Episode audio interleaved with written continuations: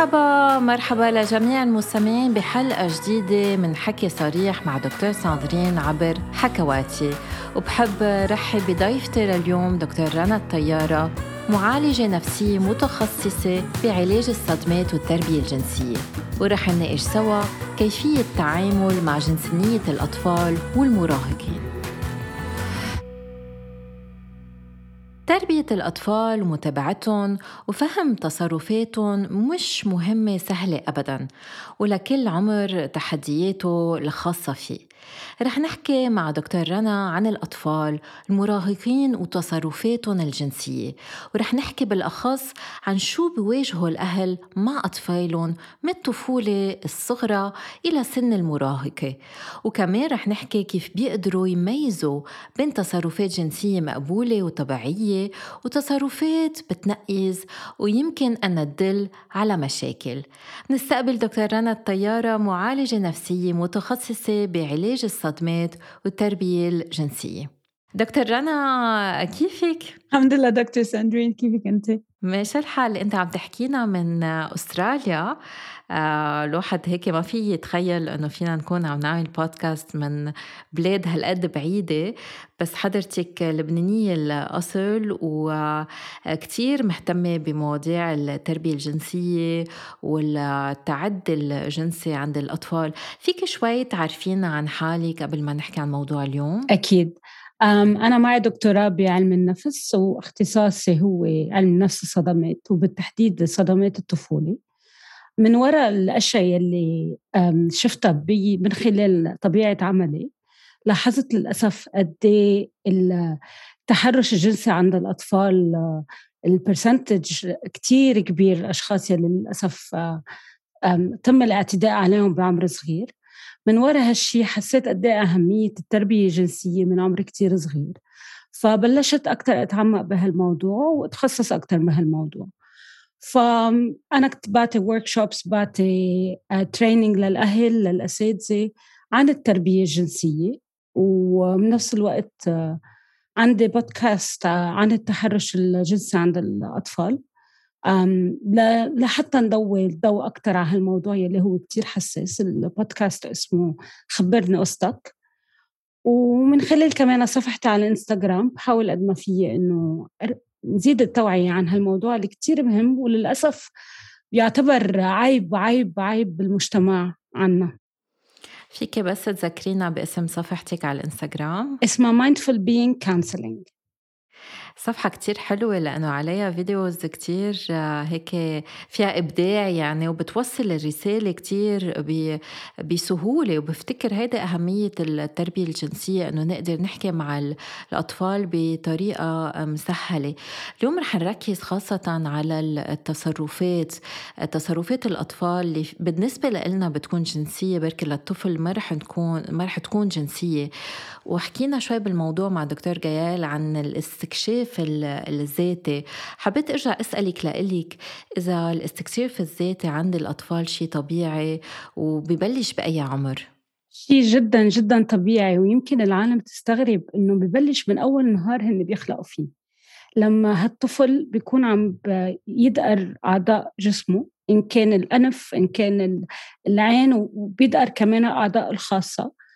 وطبعا مع مع الوقت بس يكبر ويصير عنده سهولة أكثر إنه يوصل لهالأماكن. بيكتشف بكل بساطة إنه هالأماكن بت بتريحه لما هو يدقرا منه منه منه رغبة. ما ما بيكون بوقتها عم تنمى عنده رغبة جنسية مثل ما الكل ممكن يفكر إنه الكبار لما بيدقروا هالأماكن الخاصة بيصير في بتولد رغبة جنسية. بالنسبة للطفل من عمر كتير صغير هي مجرد وسيله لحتى تريحه تحسسه بالراحة واللي بركي فينا نلاحظه في في بدراسة فرجوا إنه بالصورة الصوتيه الطفل بس ذكر مبين إنه عم بيلمس العضو الذكري عنده بال... فهذا الشيء بفرج إيه صح. بالصورة الصوتية صح. صح. وهذا شيء طبيعي بالنهاية صح. لأنه الطفل بالنسبة له كل الأعضاء أعضاء وهذه الأهمية إنه ما في فرق بالنسبة له بين الإصبع والعضو الذكري أم البزر. وهذا شيء كتير مهم إنه يفهموه الأهل بفتكر لأنه الأهل خايفين من هول الأعضاء. لأنه نحن بنحط على هالأسامي أو على الأعضاء بنحط طابع جنسي وطابع لعيب. إنه هذا الشيء مش مقبول لا اخلاقيا لا دينيا. بينما هو إذا نحن بننظر له بمجرد إنه هذا عضو آخر عنده كمان يعني نفس ال شو كيف بدي أقول الكلمة إنه مواصفات؟ مش مواصف إيه إنه العمل عضو عملي يعني إنه مثل الأنف مثل العين له يعني عنده وظيفة. له وظيفة. مهمه مثل اي عضو تاني والولد ما حيكون عم بينظر له بطريقة جنسية أو جنسانية يعني مثل ما نحن الكبار بنكون عم ننظر له وإذا الأهل شافوا أطفالهم عم بيحفظوا حالهم أم عم بيستكشفوا حالهم شو لازم تكون ردة الفعل؟ أم أنا دايما ببلش بقول للأهل لما تشوفوا هالشي خذوا نفس عميق لأنه نحن ولا بأي لحظة بدنا نخلي الولد يحس إنه هو عم بيعمل شيء غلط لأنه هو ما بيكون عم بيعمل شيء غلط بكل بساطة. فهذه كتير مهمة خذوا نفس عميق وهيك step back بيقولوا خطوة لورا. نحن ما لازم أبدا نعيط على الولد ما لازم نحسسه إنه هو عم بيعمل شيء غلط.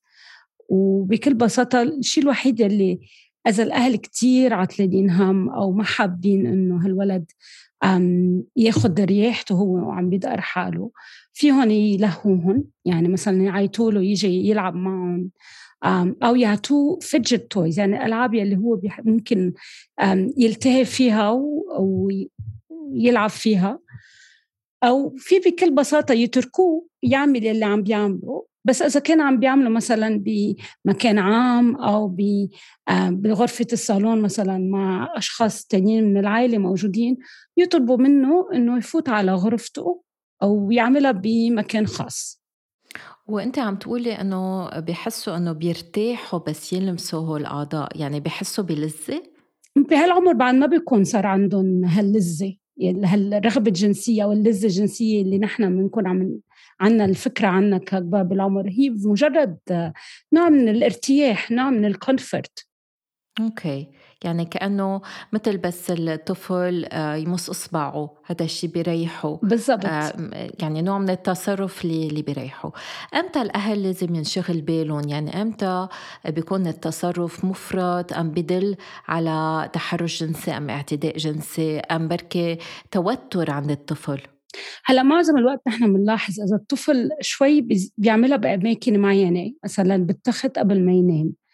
هذا بيكون لأنه بيكون ابا خايفين إنه ينام لحاله أو متوتر فنحن لازم نعطيه المجال إنه يعمل هالشيء ليرتاح ما في أي أشكال.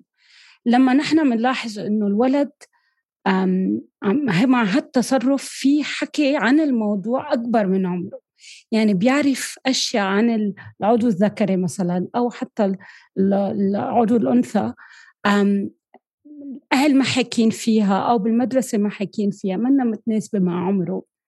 آه ممكن مثلا يكون عم بيسأل أسئلة أو آه عم بيطلب إنه يلمس أو يشوف العضو عند الأشخاص الآخرين آه بطريقة مش كمان طبيعية لولد بعمر لنقول الأربع خمس سنين يلي ممكن يسأله بس ما بيلحوا كتير.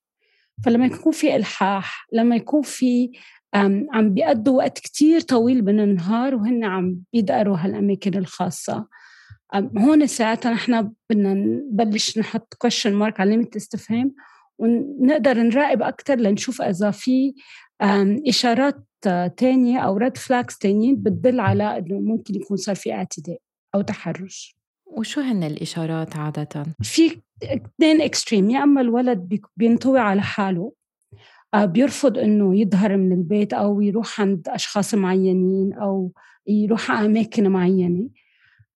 أو بصير يطلب إنه يشوف أشخاص معينين أكثر يعني ممكن إنه يصير يسأل أكثر عن هذا الشخص اللي هو تحرش فيه. يطلب يكون موجود معه أكثر يسأل أسئلة مثل ما ذكرت أكبر من عمره عن عن الجنس عن الأعضاء التناسلية. يطلب إنه يدقر عضو التناسلي عند عند الأهل مثلا أو يستعمل عبارات أكبر من عمره. هول هن أهم ريد فلاجز نحن ممكن نشوفها. يعني بفهم منك إذا الطفل لأنه هذا كتير بنشوفها آه، بحب يلمس مثلا الثدي عند أمه هذا شيء مش طبيعي؟ لا هذا طبيعي بس إذا هو ضل أصر على الموضوع ومثلا نقول ولد عمره أربع خمس سنين كتير طبيعي إنه يطلب إنه يلمس الثدي عند أمه لأنه هو عم يستكشف بالنسبة له خاصة عند الفتاة إنه هي بالنسبة لها مثل أمها بنت ليه أمها عندها الثدي وهي وهي ما عندها. فبيكون بعده هون نوع من الاستكشاف. بس لما هذا الشيء يصير معه إصرار يصير معه مثل بالقوة إنه لا بدي أنا أدقر. هون بيكون في question mark على الموضوع. ونحن لأي عمر مفروض ال... يعني بأي عمر مفروض الأهل يوقفوا مثلا يستحموا مع أولادهم أطفالهم أم يشلحوا قدام أطفالهم؟ في أعمار في ممنوعات أما لا عادي؟ الدراسات هون كتير بتختلف دكتور صادرين. في دراسات بتقول من عمر ثلاث سنين يفضل إنه الأهل ما بقى يلبسوا أو يشرحوا قدام أولادهم. في دراسات بتقول لا بالعكس هذا الشيء بيساعد الولد ليعرف إنه هيدي الأشياء منا عيب. آه هذا جسم الإنسان شيء طبيعي. وبنفس الوقت نوع من إنه يعرفوا إنه في اختلاف آه مع مع بين الأنثى والذكر في اختلاف بين البنت الصغيرة بالعمر والامرأة. أنا بعتبرها بتبلش بتصير يعني لازم كأهل نكون واعيين عليها لما هو الولد يبلش يطلب فيه يطلب برايفسي يطلب إنه ما حدا يفوت عليه آه، أو إنه إنه يتضايق إذا شاف مثلا آه، أمه عم تشلح مثلا بالغرفة قدامه يحس حاله منه مرتاح. آه، اجمالا هاي بتصير بعمر السبع ثمان سنين. سو أنا بهالعمر لازم أحترم الطفل ولازم أحترم هو شو عم بيطلب وشو عن غير نوع من التصرفات؟ يعني في أهل بيقولوا أنا أطفالي ناموا معي بنفس التخت أم ناموا معنا بنفس التخت لسن الثمانية تسع سنين. هل هالشي طبيعي؟ هل المفروض يضل الطفل عم ينام مع أهله؟ لأي عمر في شو هن الحدود يعني؟ أنا من الأشخاص اللي كتير بيآمنوا بال attachment parenting يعني أنا بالنسبة لي إذا الولد بحاجة لأنه ينام مع اهلاته لأنه هو خايفين أو لأنه هو مثلا خلال النهار ما بيقدر يحصل كتير على هالوقت مع اهلاته فيمكن عم بيقدر يستمد من هالعاطفة بالليل لما يكون لما يكونوا نايمين.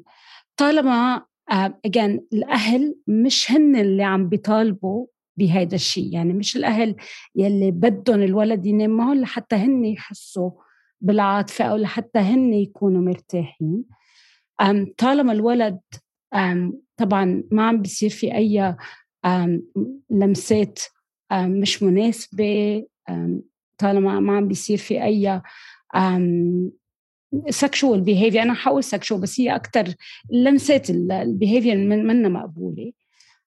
ما بعتقد أنا في أي إشكال. بس أنا بقول يعني again عمر المراهقة أو ما قبل المراهقة يفضل إنه هون نبلش نحن ننتبه أكثر هالموضوع خاصة بين الأم والابن والبي والبنت.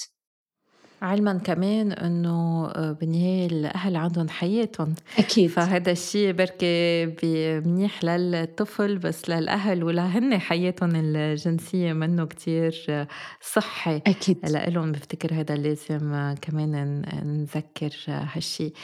آه، بال بالاستكشاف وبالتربية الجنسية بس نبلش نفسر للطفل إنه هودي أعضاء الفتاة هودي أعضاء الفتى.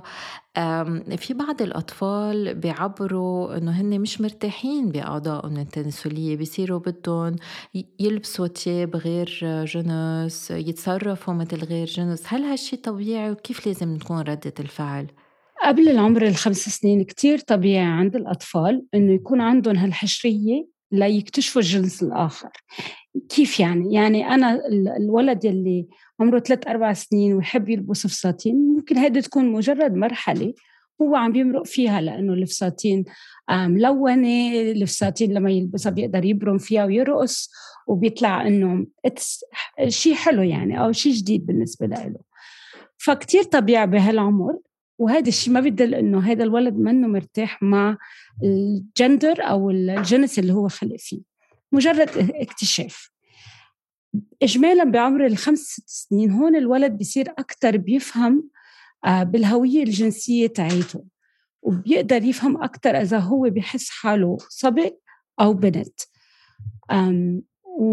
وساعتها ممكن هذا الشيء يبين من خلال آه، تصرفات معينة من خلال لبس معين من خلال آه، ممكن كمان مين مع مين عم بيلعبوا وكيف عم بيلعبوا فهون نحن كأهل ما لازم لما نشوف الولد بهالعمر قبل الخمس سنين عم بيكتشف وعم بيلعب وعم يلبس لبس آه، الجنس الآخر إنه نمنعه أو نخاف أو نحسسه بالعار أو نحسسه بالخجل لأنه أكيد هذا الشيء طبيعي. بالعكس لازم نعطيه الفرصة لهو يفهم حاله أكثر لأنه بهالطريقة ممكن إنه هو يكتشف عن جد الهوية الجنسية تاعيته. وبعدين بعد الخمسة يعني هل لازم نروح عند معالج نفسي إذا ما في تناسق بين الجنس البيولوجي والجندر؟ هل لازم ننطر؟ يعني شو شو بتكون طريقة المعاملة مع هذا الشيء؟ نحن إذا بدنا نروح على أخصائي ليشتغل مع الولد مش لحتى نصحح المفاهيم تبع الهوية الجندرية عنده للولد لأنه ما في شيء اسمه هيك. نحن إذا بدنا نروح هو لحتى نساعده يفهمها أكثر يعني لما حتى يقدر يتعامل معها بطريقة سليمة أكثر هلأ بحاجة إيه أنا بعتقد إنه الأهل بحاجة إنه يطلبوا مساعدة بكل بساطة لأنه هن كمان ما بيكونوا كتير واعيين على شو عم بيصير معه لهذا الطفل إن كان نفسيا إن كان عاطفيا ايموشنلي ولا إن كان الأفكار يمكن الأفكار يلي عم بيتخابط هو عم بيتصارع معها. فطبعا المعالج من هالناحية بيساعد الولد والأهل ليعرفوا كيف يتعاملوا مع هالموضوع. في كذا فيلم طلعوا مش من زمان عن الهوية الجندرية وهلأ بال...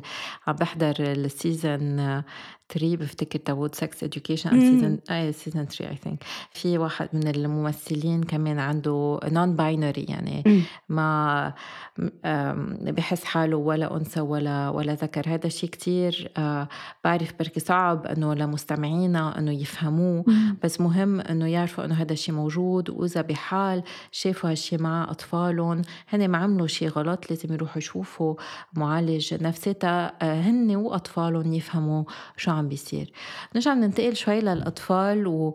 ونحن بنعرف إنه آه بعض الأوقات الأطفال عندهم آه ألعاب استكشافية يعني بيلعبوا حكيم بيلعبوا ماما وبابا آه هل هالألعاب شائعة؟ هل هالألعاب آه طبيعية؟ كيف فينا نفرق بين الطبيعي ومش طبيعي؟ لما يكون ولدين تقريبا بنفس العمر وبنفس القدرة الجسدية عم بيلعبوا هالألعاب. هذا الشيء كتير طبيعي لأنه نرجع بنقول عم بيستكشفوا هن بهالعمر. ومن خلال اللعب هذا الشيء يعني بالنسبة لهم متوفر لحتى يقدروا يفهموا أكثر الفروقات بين الجندر أو الجنس ويعرفوا أكثر هن كيف متكونين إمتى ببطل هذا الشيء مش طبيعي؟ لما بيصير في اللعب بيصير بين أشخاص متفاوتين بالعمر أو بالقدرة الجسدية. لما بيكون في قوة أو بيكون في فورسينج يعني حدا عم يجبر الثاني يلعب هاللعبة وهو هذا الشخص ما, بده. لما بيكون اللعب عم بيصير في أكثر للأسف أشياء جنسية يعني مش بس أنا عم بستكشف أو عم بتطلع على العضو الذكري أو عم بتطلع على المعدة أو عم بتطلع على منطقة الصدر. أنا عم بحاول أعمل أشياء يعني عم بدقر عم بلمس عم ب... عم عم بحط يمكن أشياء على العضو الذكري أو على ال... هون كمان لازم ننتبه على الموضوع بيصير هون بيصير في أكثر آه، لفت انتباه و ممكن كمان يكون دليل إنه هذا الشخص اللي عم بيعمل هالتصرفات للأسف هو تعرض للتحرش. اي هون كتير مهم إنه نوصل هالرسالة للأهل إنه الواحد ما بده يعيط ما بده يقاصص. بده أول شي يفهم يسأل أسئلة للطفل تيفهم ليش عم بيتصرف بهالطريقة؟ وبركي بيبقى بعاين يعني بيشوف مت... بيشوف متخصص سوا. آه تيفهموا شو عم بيصير إذا الطفل عايش تحرش جنسي؟ من دون ما يعيطوا عليه لأنه إذا عيطوا عليه آه بينزوي على حاله ما بيخبر شو صار معه. مزبوط. وبصير كمان بحس بالعار بحس إنه هو عمل شيء غلط بحس إنه هالحق عليه إذا صار في آه تحرش. ما بي ما بيعود بيسترجي يحكي إذا صار في أكثر من هيك. يعني هون الحوار اللي بي بلطف كتير مهم. أكيد بالأهل لازم يكون صارمين بمعنى أنه بس يحطوا حدود أنه هود الحدود اللي لازم نحترمها. بس مش بقساوة دكتور ساندرين لو بتعرفي عدد الأشخاص يلي قابلتهم آه، للبودكاست وردة فعلهم كان لما سألتهم حكيتوا مع حدا إنه جربنا بس اللي حصلنا ردة الفعل الشخص اللي حكيناه اللي هو معظم الوقت الأم كان إنه حسستنا إنه يا إما هيدا الشيء كتير طبيعي للأسف كان في كتير هال بسيطة كلنا تعرضنا بصغرنا للأسف يعني أو العار إنه أنت الحق عليك خاصة عند البنات أنت كتير حلوة من لأنك كتير حلوة هيك صار معك. أنت عملتي له حركات أنت جبتي هالشي عليك. أنا قلت لك ما تلبسي هالفستان مثلا. فكانت بتكون أو شو عملتي؟ شو عملتي لحتى هو هيك عمل؟ شو عملتي لحتى تعرضتي لهالشي؟ فللأسف ردات الفعل الأهل أنا دايما بقولها هاي مش التصرف الولد يلي ممكن يؤدي لمشاكل آه، على كبر آه، قد ما هو للأسف ردات فعل الأهل. يعني إذا ولد فتح الباب على أهلاته وهن عم بيلبسوا مثلا ما هذا الشيء ما حيعمل له صدمة. إذا الأهل ما عملوا ردة فعل قوية وأخذوا الموضوع ب ببساطة مثل ما هي إنه آه فات لعنا على الأوضة ماما please سكر الباب نحن عم نلبس. بكل بساطة. بينما إذا فات على, علينا على الأوضة ونحن عم نغير وصرخنا فيه وكيف فتت وأنا قلت لك دق الباب وأنت شو عملت؟ تتخيلي بس قد إيه هذا الولد حيكون عم بفكر إنه اولا قد إيه تابوه إنه هو شاف اهلاته بالزلط أو sorry عاريين. ثانيا هيدي هيدي الصدمة. الصرخة هي اللي بتعمل الصدمة مش إنه هو شاف اهلاته مزبوط وأنا شفت كتير بشوف كتير patients بيقولوا بيخبروا إنه هن مثلا بس جربوا يحكوا بالعيلة ضبضبوا الخبرية وقالوا له لا مش طبيعي وأكيد ما صار هيك وأنت عم تتخيل وما بدنا مشاكل وأحسن تسكت يعني كتير بحسسوا الطفل بالعزلة. وكمان كهيك ردة ردات فعل يعني أيام بيتقاصصوا أيام بنضربوا. آه إذا إذا انكمشوا وهن عم بيمارسوا مثلا امتيازات أو إذا كانوا عم بيحضروا فيلم إباحي. بدل ما الأهل يجي الأهل يقدروا يقعدوا إنه هول الأفلام مش لعمرك مش مناسبة برواق بلطف مع مع حوار. وهذا اللي, اللي أهم شيء بما أنه في كذا فئة عمرية نحن حكينا شوي عن الأطفال بالطفولة الصغرى والطفولة الأكبر شو هن احتياجات الأطفال اللي بيكونوا ما ما قبل سن البلوغ؟ هون ما قبل المراهقة نحن كتير بحاجة لنبلش نحكي للولد من عمر 8 9 سنين للبنت وللصبي عن التغيرات اللي حيمرق فيها بسن المراهقة إن كانت التغيرات الجسدية أو الهرمونية أو حتى الفكرية والعاطفية وحتى الاجتماعية لأنه نحن بنعرف قد إيه كمان هذا بيصير بيأثر. فأنا ما لازم أنطر لحتى البنت تكتشف للأسف لحالها إنه إجتها البيريد وتخاف إنه شافت دم وتعطى الهم. أنا لازم كون من عمر يعني سبعة ثمان سنين حكيت عن الموضوع وفسرت لها وما بس للبنت يعني أنا أنا كثير بشدد إنه أنا بحاجة لأحكي للبنات شو بيمرقوا الشباب ولا الشباب شو بيمرقوا البنات لأنه هذا الشيء بيبني علاقة احترام بين الجنسين. بصيروا بيفهموا حالهم أكثر وبصير في احترام ببطل في آه، مسخرة ببطل في bullying آه، يعني أنا كتير بشدد على إنه ما بس نحن نفسر للمرأة أو للبنت ما قبل المراهقة عن الأمور اللي هي بتمرق فيها بس كمان نحكي عن الشاب والعكس صحيح. اي تا تنحمي من التنمر لأنه بس ما بيعرفوا الفروقات بيصيروا يضحكوا على بعض وهذا شيء كتير آه، مهم. وبس يوصل الطفل لسن البلوغ هو مثل ما قلتي في كتير تغيرات يعني نفسية عاطفية جسدية بيكون عم بفتش على معنى لحياته عم بي كمان عم بيحارب أهله تا, تا يستقل صح. بنفس الوقت عم بشك بحاله. كيف فيهم الأهل يساعدوا المراهقين؟ يعطوهم هالمساحة الأمان إنه هن موجودين ليس ليجاوبوا على أي سؤال ممكن عندهم إياه. هيدا أهم شغلة أولا. ثانيا أنا بحبك لو شو ما صار لو شو ما عملت لو شو ما عم صار أنا موجود لأدعمك ولحبك و... وجاهز لجاوب على أي سؤال. لأنه أنا كتير بحاجة هون لحتى حسسه لهالطفل يلي عم بيمرق بكل هالصراعات. إنه أنا ملجأه الأول. أنا بحاجة يجي لعندي إذا هو بده يعرف عن الجنس. أنا بحاجة يجي لعندي إذا هو بده يعرف عن العلاقات مع الجنس الآخر أو مع نفس الجنس إذا هو كان عنده ميول جنسي مغاير. أنا بحاجة إنه يجي لعندي بأي شيء هو حابب يعرفه عن نفسه أو أو عن الآخرين. لأنه للأسف دكتور ساندرين هلأ كمان مع أكيد ال access السهل على الإنترنت وعلى مواقع التواصل بسهوله الولد فيه يفوت على جوجل ويحط كلمة سكس ويطلع له أشياء مش مقبولة لعمره. في كتير أهل يعني يمكن بيعتبروا إنه آه يمكن إذا فت وقرب بالانترنت أسهل مما أنا أحكي. بس أكيد يعني من خلال كلمة واحدة ممكن يطلع له أشياء ما بتتماشى يمكن مع المعتقدات الدينية أو المعتقدات الثقافية أو المعتقدات الخاصة بالعائلة يلي أنا كمان بحاجة كأم أو كبي إنه وصل له إياها لهالولد.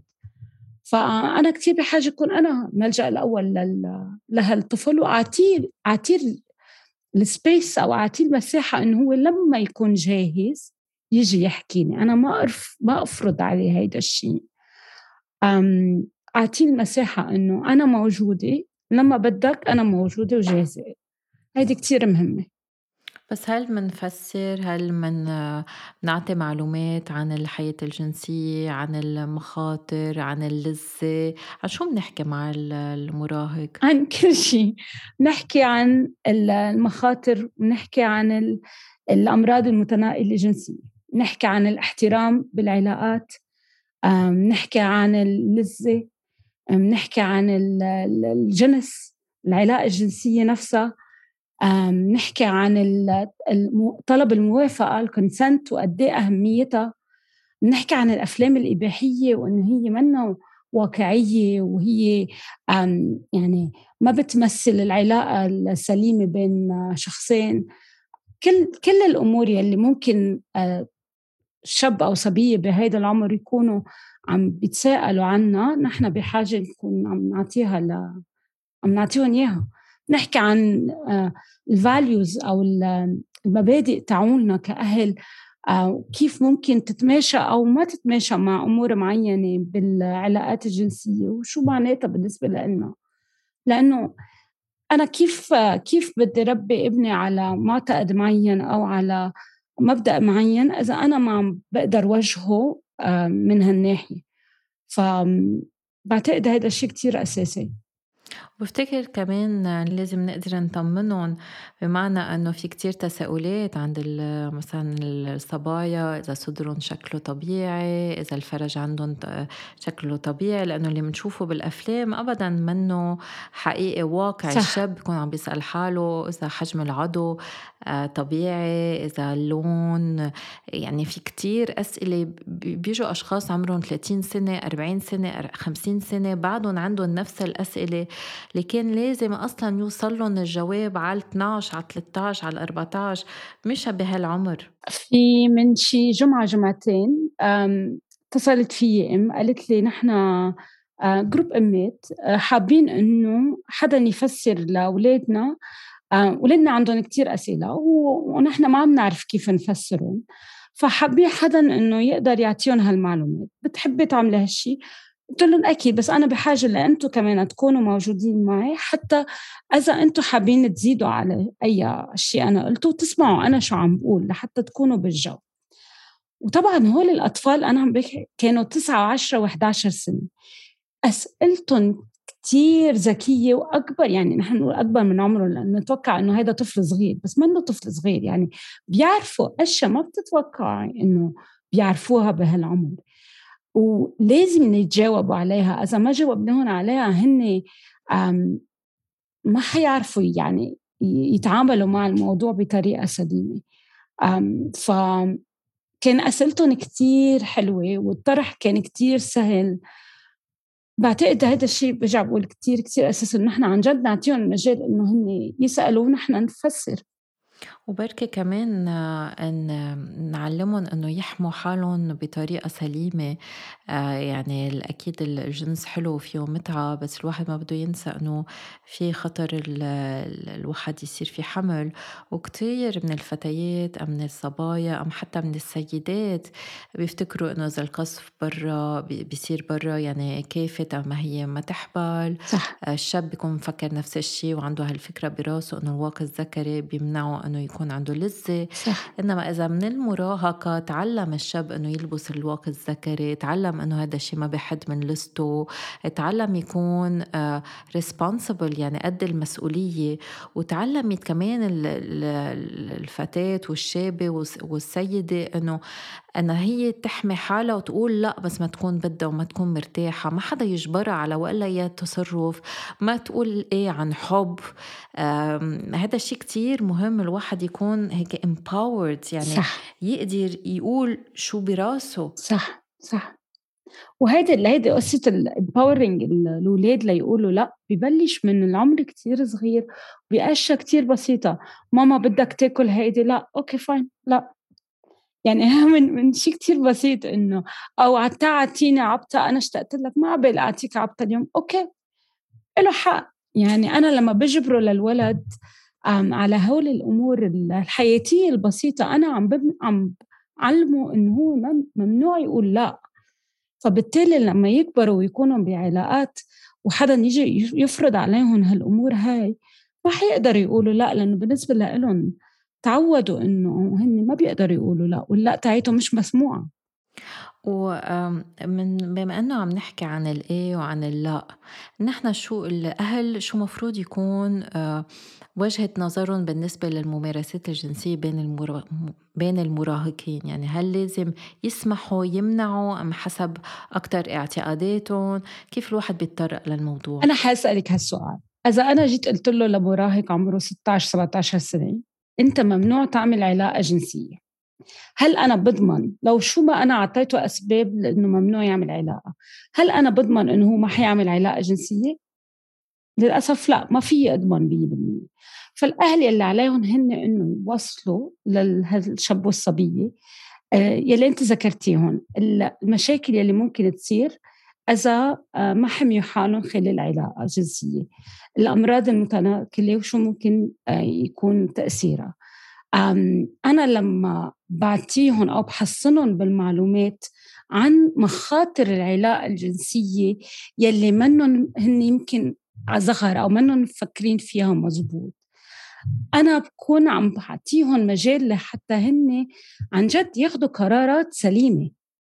بينما إذا أنا بس قلت لهم لا ما فيكم لأنه ديننا أو لأنه ثقافتنا أو لأنه نحن البيليفز تاعونا ما بيسمحوا لنا أنا ما بكون عم بعطيه المعلومات الكافية لحتى هو ياخذ القرار السليم. وما في شيء بيضمن لي إنه هو أصلا حيسمعني.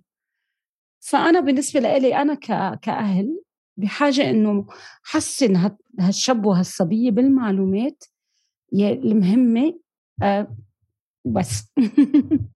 هذا الشيء كتير مهم وحكيت شوي عن الميول المغايرة أم المثلية. هل فينا نحن كأهل نعرف إذا الطفل مثلي من تصرفاته؟ هل فينا نمنع هالميول؟ هل الحق على تربية الأهل؟ كيف الواحد لازم يتصرف مع الموضوع؟ كثير أهل بيفكروا إنه أنا دلعته لهالصبي كتير فهو صار جاي. أنا خليته يلعب بالباربيز خاصة عند الصبيان يعني أكثر من البنات. خليته يلعب بالباربيز فهو صار جاي كان كل المحيط تاعه بنات فهو صار جاي فأنا هون عن جد بحب كتير أقول للأهل إنه أنا كأم وكيف أنا عم بتعامل مع هالطفل يعني من هالناحية بالتحديد ما هي اللي لها التأثير الأكبر على هذا الطفل إذا حيصير بالمستقبل عنده ميول جنسي وغير ولا لا.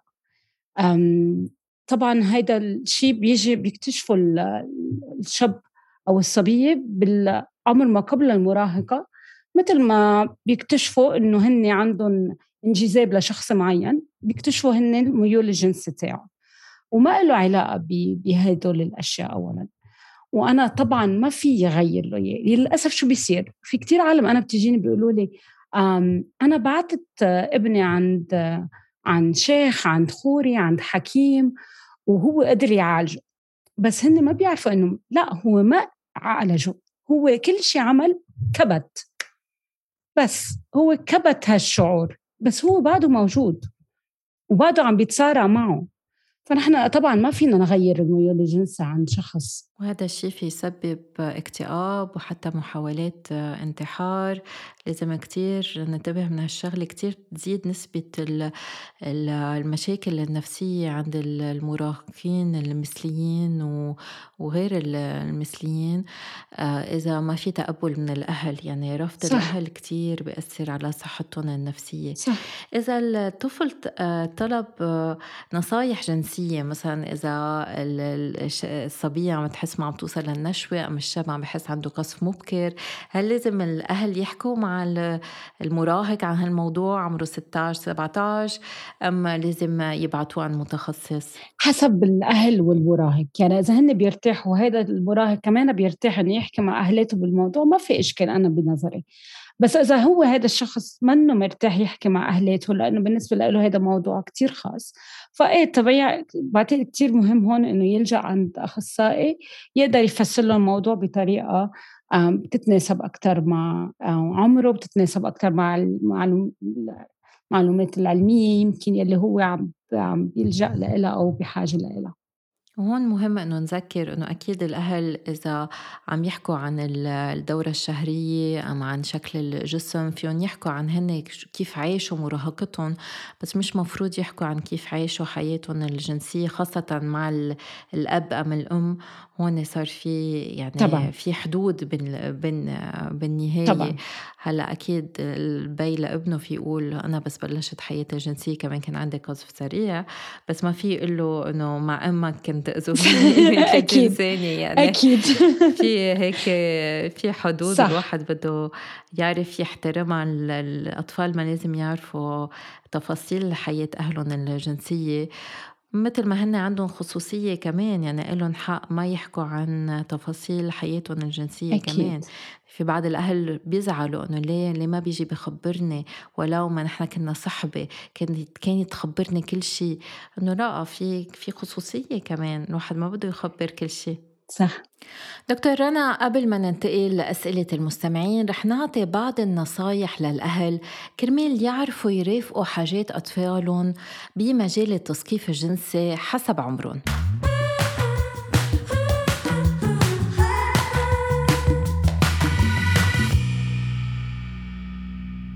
أهم شيء أهم شيء أنه تتذكروا أنه لازم تحافظوا على الحوار. عندكم دور أساسي وهالدور بتلعبوه بخلال مرحلة الطفولة والمراهقة. هو دور بالمرافقة وهالمرافقة بتتطلب حوار مستمر عنده طابع تثقيفي. وفينا نقسم هيدا الحوار على أربع مراحل عمرية. أول مرحلة هي الطفولة المبكرة يعني أقل من أربع سنين. بهالفترة الطفل بالأول ما بيحكي فرح يعبر بالوجه رح يعبر بالحركات. ونفس الشي نحن بس رح نكون عم نتصرف مع أطفالنا. بدنا نكون عم نتصرف من خلال اللمسة أم النظرة. يعني الأم مثلا تلمس الطفل تيشعر بوجوده. أكيد ما بتلمسه أم بتداعبه على الأعضاء التناسلية إنما الطفل هو بيلمس أعضاء أعضائه وهيدا الشي طبيعي لأنه بده يحس بوجوده. وهون نحن بدنا نقدر إنه ما نعيط عليه ما نتطلع فيه بطريقة سلبية لأنه بتنطبع فيه هيدي ردة الفعل وبصير بخاف من جسمه. وأكيد بس يصير يحكي رح نصير نسمي معه الأعضاء التناسلية. كرمال مش بس يكتشفها باللمس إنما بالحكي ويعرف أنها موجودة وحساسة. الفئة الثانية هي الطفولة بين الأربع وثمان سنوات. بهالفترة الطفل صار قادر هو يعبر بالكلام وصار قادر يتفاعل بالمجتمع حوله. رح يبلش يحس بالاختلافات رح يبلش يسمي الأمور بأسمائها رح يبلش يسأل الأسئلة اللي بتخطر على باله. وهون صار الوقت إنه نفسر له نحكي نفسر الفرق بين الشاب والبنت فبيبدأ التعلم الجنسي من خلال اللغة وأولا بنختار أسماء لوصف القضيب والفرج والمهبل مثلا بوقت الاستحمام. وبعدين نستمر بالحوار من خلال إعطاء إجابة على كل سؤال. بهالمرحلة بتزيد الأسئلة حول أصل التكوين والهوية. تدريجيا بدنا نصير نعطي تفاصيل أكتر. مثلا بسن الست سنين صار فينا نستعمل عبارة قضيب ومهبل وحتى حيوانات منوية أمام الطفل للإشارة للعضو التناسلي ووظائفها بوقت لاحق رح نفسر إنه الحيوانات المنوية رح تتلاقى بالبويضة لا تخصيبها بس بهالعمر بعد ما منفوت بالتفاصيل التقنية. يعني ما منحكي عن العلاج لأنه ما رح يفهمها. هون بدنا نذكر أنه كل طفل قدرة التخزين للمعلومات واستيعابها بتختلف منه للتاني لذلك أيام رح نعطي معلومات وما رح يتذكرها ورح نرجع نعطي هالمعلومات بعمر تاني. بس يكبر أكتر الطفل رح يبلش يسأل عن اللذة وهون لازم نحكي عن الموضوع بطريقة طبيعية ولازم نحكي أنه البالغين بيقوموا بممارسة الجنس لأجل المتعة بركي كمان الحب والعواطف بس لازم نذكر اللذة. هون منفسر له إنه في وظيفة مزدوجة للأعضاء التناسلية هي منح المتعة واللذة وكمان تكوين الأطفال. بهالعمار كمان الطفل بيكتشف الحب الأول لإله هون لازم نحترمه ولازم نشجع الولد ونطمنه إذا عاش هيدي المرحلة. ولازم نذكر أنه معظم الأطفال اللي تحت العشر سنين عاشوا علاقة حب أو ارتباط عاطفي واختبروا أول بوسة وبعد الأوقات بركي لعبوا ألعاب جنسية بجهل الأهل ونحن ما منفكر فيها حتى. إنما ما بيكون موضوعها ما بيكون هدفها جنسي أكثر مما يكون استكشافي. فترة ما قبل المراهقة هي فترة كتير دقيقة لأنه ببلش يصير في كتير تغيرات عند الفتى والفتاة وعم ببلش الطفل يقرب من البلوغ. فكل المعايير اللي كانت مأكدة بفترة الطفولة بلشت تتغير بدورها. وهون الأهل كتير مهمين تيخلوا هالحوار مفتوح مع أطفالهم. خاصة إنه إذا انقطع الحوار ما بقى فينا نرجع نفتحه بعدين. فلازم يقدروا الأطفال يلاقوا عند الأهل ملجأ لازم يكون عندهم أجوبة لأسئلتهم وإلا رح يروحوا يفتشوا على الأجوبة بغير محلات. هون الشابة بحاجة لأمها كرمال تحكيه عن أسرارها والشاب بحاجة لبيه كرمال يكون في ثقة بيناتهم. وللأسف اليوم قليل من المراهقين أم الشباب والشابات بيقعدوا مع أهلهم وبيحكوا. لازم الأهل يعطوا وقت للحوار ويقدروا يجاوبوا على كل الأسئلة بكل شفافية ومن دون تهرب. المرحلة الأخيرة هي المراهقة وهي ربيع العمر. هون بتبلش تظهر احتياجات جديدة عند المراهقين ورح يكون في نزعة أكيد بين إنه الوالدين يكونوا عم يقمعوا أولادهم مما رح يؤدي للتمرد وهذا الشيء رح يحرك عند المراهق دوافع عدوانية. هالمرحلة منا منا سهلة لأنه الطفل عم يجرب يلاقي استقلاليته. وهون الأهل لازم يساعدوا أطفالهم تيقدروا يتخطوا هالفترة الانتقالية الصعبة. وكمان من خلال حوار مستمر واحترام خصوصيات الأطفال هذا الشيء كتير مهم. لازم نقدر أنه نلاقي توازن بين أن نعزز هوية الطفل بس بنفس الوقت نسمح له أنه يكون عنده أسراره. ولازم كمان نقدر إنه يحس الطفل إنه في يطلب مساعدة أهله إذا وقع بمأزق أم صار عنده مشكلة.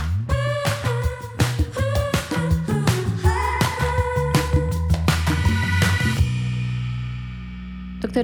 رنا اجينا كتير تعليقات وأسئلة. في أسئلة كانت شوي غريبة آه، وأسئلة أكثر هيك آه، بتفرجي إنه لا في بعض الأشخاص مهتمين بال... بالموضوع. رح نحاول نجاوب على بعض منها.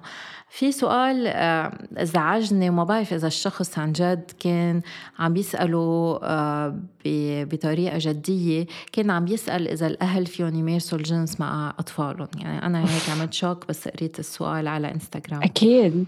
أكيد أكيد تعمل شوك.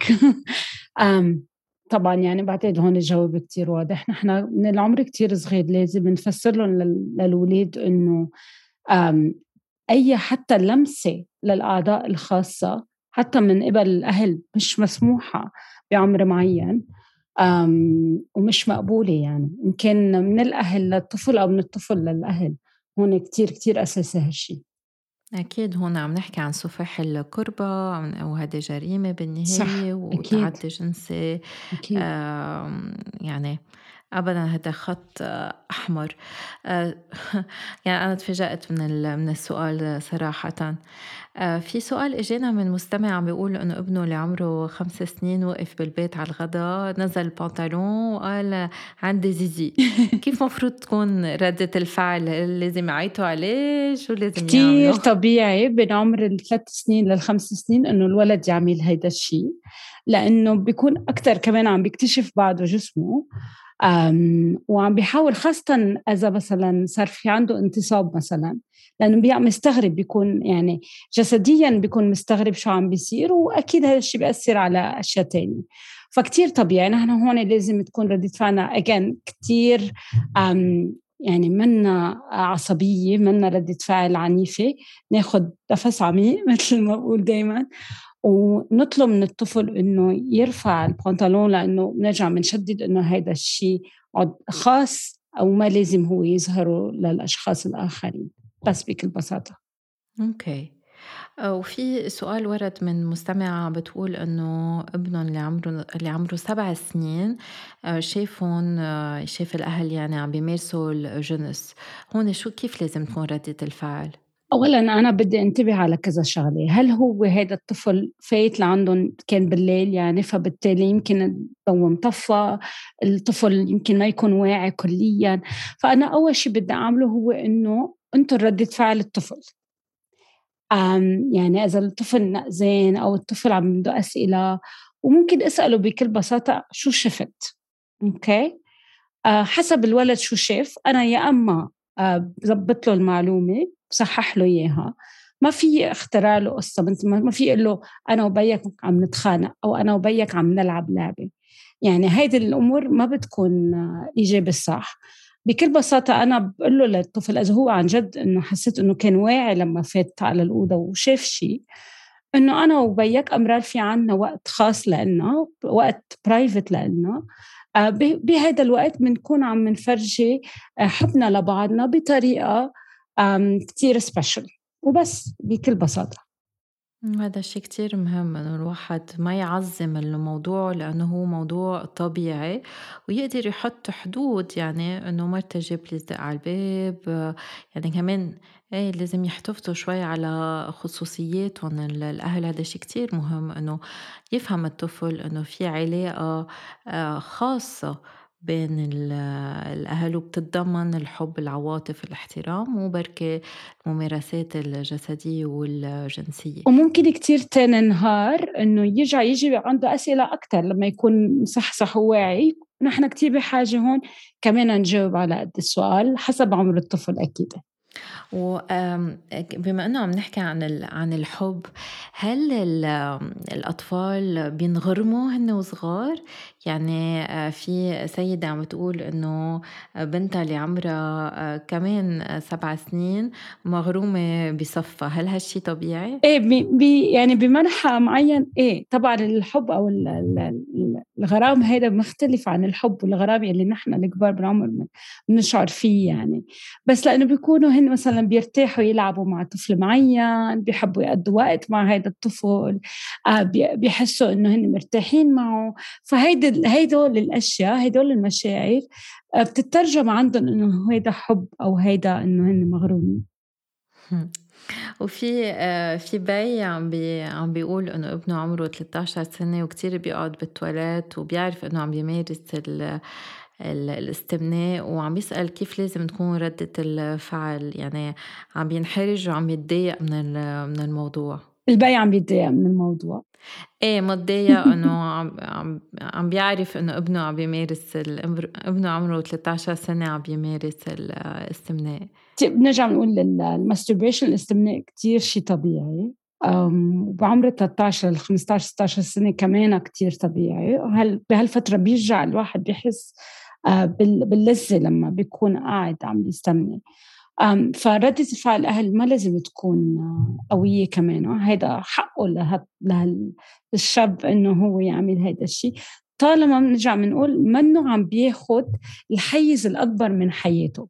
يعني منه عم بيقعد ساعات وساعات بالحمام قفل حاله الباب وعم بيعمل هيدا الشيء إذا أنا حسيته إنه هو عم بيقضي الوقت الأكبر من نهاره أنا بحاجة لحتى اللي هي آه، يمكن activities أو نشاطات أخرى بتساعده لحتى يطلع هيدي الطاقة اللي عنده إياها آه، بطريقة مختلفة.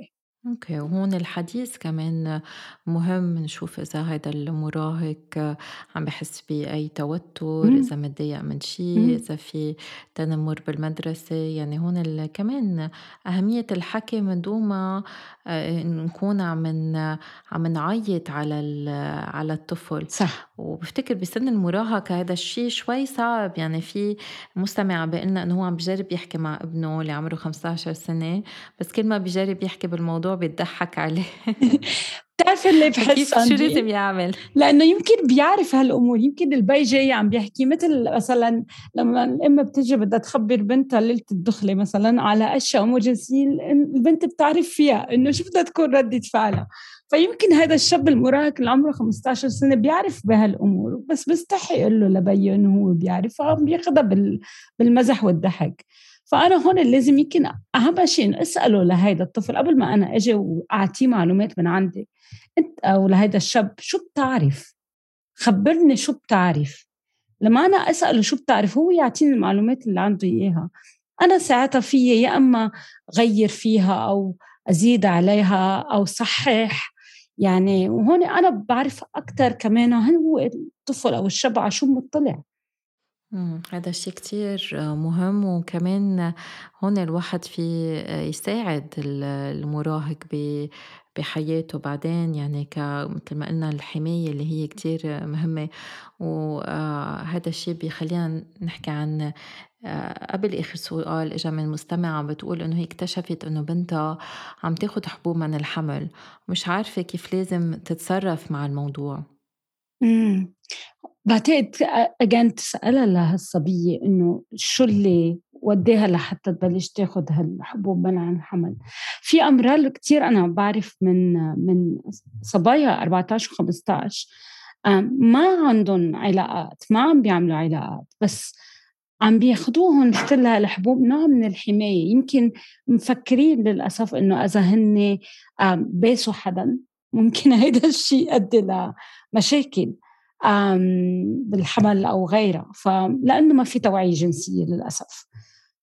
فأنا لازم أعرف من الأول من هالصبية شو الأسباب يلي ودتها لحتى تاخد هال هالحبوب؟ بلا ما يكون السؤال تاعي نوع من الانفستيجيشن يعني ماني ماني شرطة وحرامي أو عم بسأل أسئلة من هالناحية. فبدها تكون من يعني الحديث بده يكون كتير خفيف إذا فينا نقول. وفيهم كمان إذا كانوا إذا كانوا بأستراليا في بأستراليا فيهم يروحوا على ال family planning بلبنان بركي بيروحوا عند الطبيب gynecologist النس... إيه عند الطبيب النسائي بركي كمان آه، هي فرصة الواحد يعمل تعمل ضد ال HPV سرطان عن عن صح. الرحم صح. فبضل في هيك possibilities إنه الواحد آه، يحكي. آخر سؤال من مستمعة بتقول كيف فيها تواكب ابنها اللي هو bisexual يعني مزدوج الميول الجنسية؟ كيف الواحد يساعد طفله بس يكون هيك ضايع وعم بيتخبط و بحس حاله part من أقلية؟ آه، صعبة منا هينة. منا هينة أبدا. بداية تسأله هو لشو بحاجة؟ هو كيف بده إياها هي تدعمه؟ شو بحاجة هي إنها تساعده؟ ممكن يكون هو بحاجة ليشوف أخصائي لحتى يقدر يتعامل مع هال ال يعني التخابط اللي عم بيصير معه أو الصراع اللي عم بيصير معه. وهي تكون موجودة لحتى تدعمه خلال هيدي الجيرني يمكن يكون إنه هي بحاجة لحتى تفهم أكثر فتروح تتثقف أكثر عن شو يعني bisexuality شو ممكن يكون عم بحس لما انه بهيدا الأمور هاي. بس بعتقد كبداية تسأله هو لشو بحاجة. آه، دكتور آه، رنا نحن كتير طولنا عليك. فإذا كنت حابة تعطي هيك نوع من النصيحة الأخيرة لهول الأهل اللي أكيد كتير عطيناهم معلومات بس بركي بيكونوا بعضهم ضايعين. شو هي؟ شو بتكون؟ بعتقد أهم شغلتين بحب لهم إياها هو إنه نحن كتير بحاجة لنحب أولادنا بغض النظر عن أي شيء هن عم بيمرقوا فيه بغض النظر عن هن قراراتهم يلي بياخدوها بحياتهم. وثانيا إنه عن جد نعطيهم هالمساحة الآمنة لحتى يقدروا يستكشفوا المساحه الآمنة لحتى يقدروا يجوا ويسألونا أي سؤال ممكن هن يكون عندهم إياه. thank you so much إن شاء الله عن جد ياخذوا بهالنصيحة وأكيد بحب شجع كل الأهل إنه يلحقوا صفحتك على انستغرام تيكون في نصايح أكثر بركي كمان ينضموا لل workshops وال training اللي, بتعمليهم ويتسمعوا على البودكاست تبعولك. thank you so much thank you لك كثير وهيك بتنتهي حلقتنا لليوم. شكرا لكل مستمعينا شكرا لك دكتور رنا.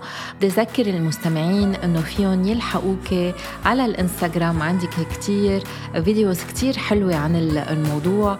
فيكم كمان تتسمعوا على الحلقة السابقة عن التربية الجنسية مع دكتور جيال. وما تنسوا تعملوا follow للبرنامج تحطوا لنا rating وتبعتوا أسئلتكم بخانة التعليقات.